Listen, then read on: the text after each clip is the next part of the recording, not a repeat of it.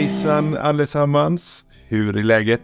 Hoppas att ni har haft en bra helg. Det har i alla fall vi haft. Ja, och ni som är med i Magiska Godnattsagaklubben fick ju bland annat höra en historia om en tjej som blev förvandlad till en toalett. Den var ju lite tokig kanske, men nu har vi laddat sagokanonen med en helt ny saga. Jajamän, och jag tror att Aida är redo att fyra av den om en liten stund. Ja, ska vi ta och se om Aida är med också då? Jag trycker på knappen här.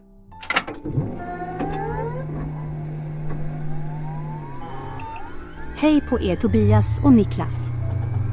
Vet ni vad jag har haft för mig i helgen? Nej, ingen aning. Berätta för oss Aida. Jag har övat mig på att spana på stjärnor. Oj, vad spännande. Har du lär, lärt dig någonting? Såg du någonting kul kanske? Jag lärde mig massor.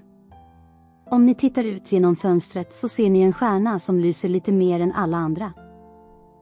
Ja, men kolla. Titta där Tobbe, ovanför trädet. Ser du? Ja, vi, vi ser den Aida. Det där är Venus. Venus kallas ibland för morgonstjärnan eller aftonstjärnan. Men det är ingen stjärna. Det är en planet. Jaha, vad, vad, vad man lär sig. Du kan väl få ta och lära oss mer om stjärnor en annan dag Aida? Ja, idag har vi ju faktiskt fått in ett önskemål om vad vi ska få lära oss om.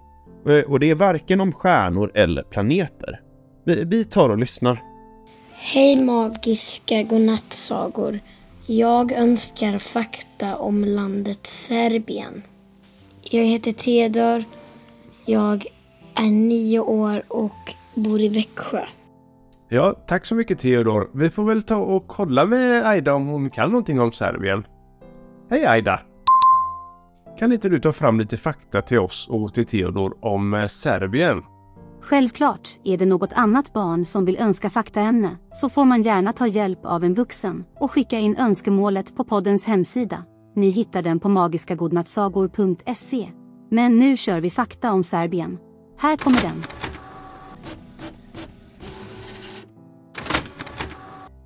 Tack så mycket Aida. Då kommer dagens fakta idag om Serbien.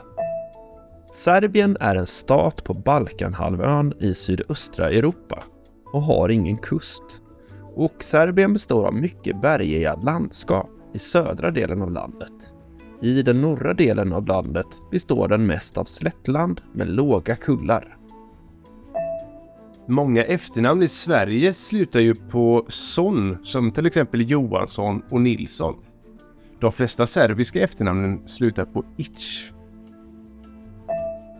Huvudstaden i Serbien, den heter Belgrad och det är en av de äldsta i Europa. Den grundades för cirka 2300 år sedan. Serbien är en av de största exportörerna av hallon i hela världen. Den serbiska regionen Cerneka är en av de kallast bebodda platserna i Europa. En gång var det så kallt som minus 42 grader där. Vad kul! Då kan vi ju lite mer fakta om Serbien. Hoppas du är nöjd med faktan Theodor. Ja, och nu är det dags för oss att rota lite bland våra sagoönskningar. Japp, det börjar bli hög tid för det. Eh, har du hittat några spännande sagoidéer Tobbe? Mm, jag håller på och tittar här. Eh, och eh, idag tänker jag att vi ska göra en dubbel. Vi ska alltså försöka få ihop två sagor till en. Eh, vi ska ta och lyssna på den första. Den låter så här. Hej, jag heter Aron. Jag, jag, jag bor i Finland. Och jag har en saga som handlar om en gubbe som, som hittade en skatt som gör så att han började flyga. Ja, det var alltså Aron från Finland som ville ha en godnattsaga om en person som ska hitta en skatt som gör att han kan flyga. Du, kolla här! Jag tror att jag har hittat ett liknande önskemål. Lyssna på denna.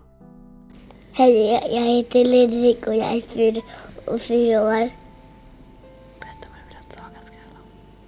Det ska handla om eh, Christer ute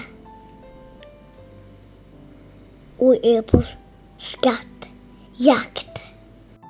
Ja, det var alltså Ludvig som var fyra år från Enebyberg som också tyckte eh, att vi skulle ut på skattjakt. Men du, Niklas. Jag tycker att vi tar en tredje önskning med som liksom gräddet på moset på den här sagan. Tre önskningar i samma. Och den här önskningen är faktiskt gjord av tre syskon tror jag. För de- heter Ian, Colin och Simon. Och alla är från Bunkeflostrand. Eh, Och de vill ha en saga om en pojke som går på utflykt bakom ett hus och hittar en skattkista i, ett soptunne, i en soptunna. Oj, oj, oj. Ja, det är alltså tre olika önskningar från, vad blir det, fem olika barn som vill ha olika skatt, eh, skattletarsagor. Ja, oerhört spännande. Vi ska se om Aida kan eh, råda ihop det här till oss. Hej Aida! Kan du skriva ihop en saga till Aron, Ludvig, Ian, Colin och Simon? Det är klart jag kan. Här ska jag mixa ihop alla bra önskemål. Är ni beredda? Ja. Här kommer sagan.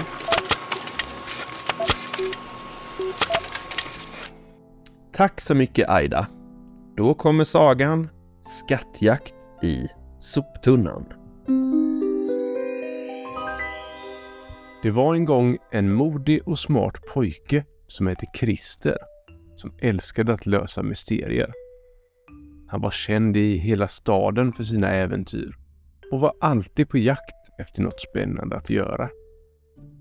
En kväll när Christer var ute och letade efter något nytt och spännande mysterium att lösa upptäckte han en soptunna som lös bakom ett gammalt hus.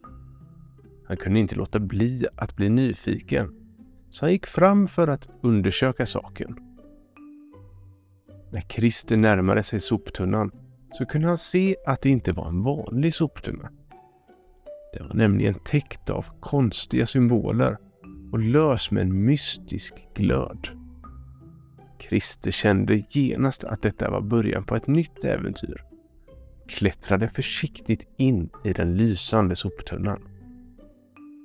Till hans förvåning ledde soptunnan till en underjordisk grotta och där hittade han en skattkista av gammalt trä. Han öppnade kistan och där inne låg en skimrande magisk diamant som gnistrade i ljuset från soptunnans glöd. Intuitionen sa åt honom att ta upp diamanten och när han gjorde det så kände han plötsligt en kraft som strömmade genom hela hans kropp. Han insåg snart att han hade fått förmågan att flyga.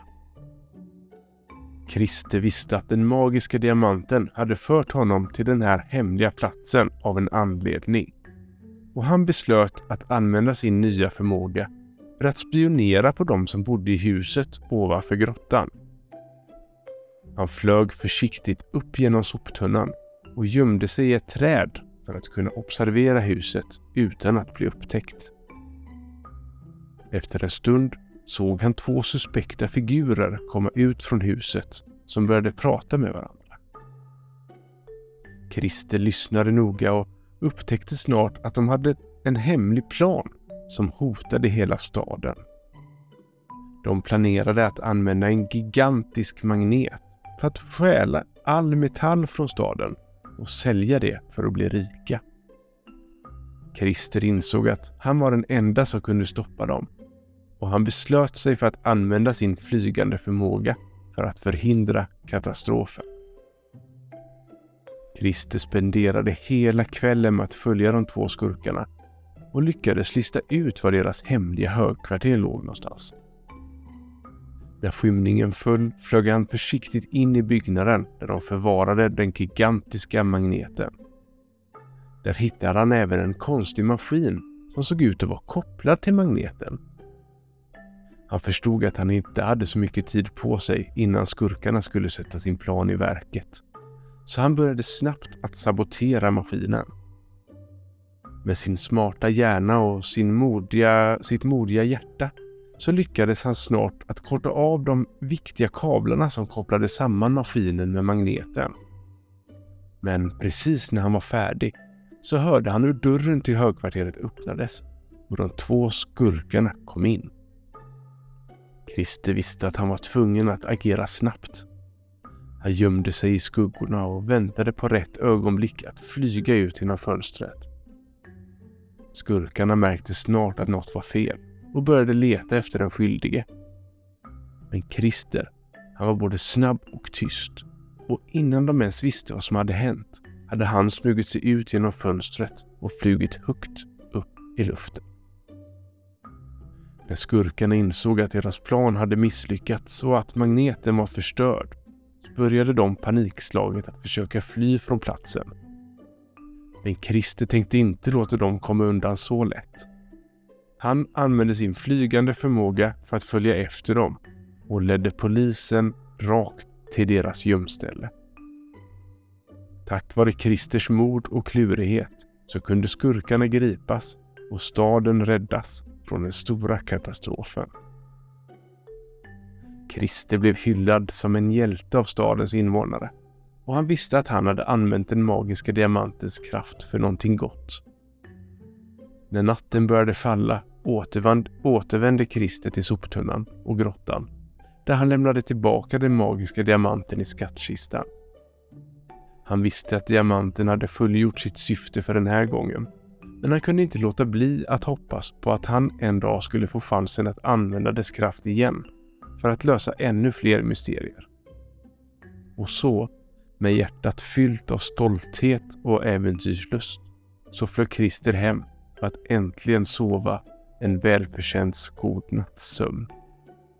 Staden var trygg igen tack vare den modiga och smarta pojken som gillade att lösa mysterier. Och alla visste att om fara någonsin skulle hota igen så skulle Christer vara där för att rädda dem.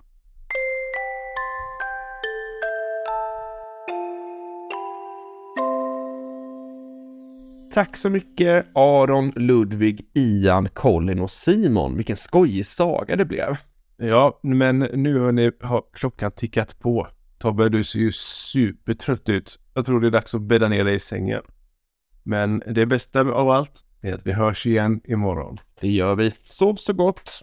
God natt.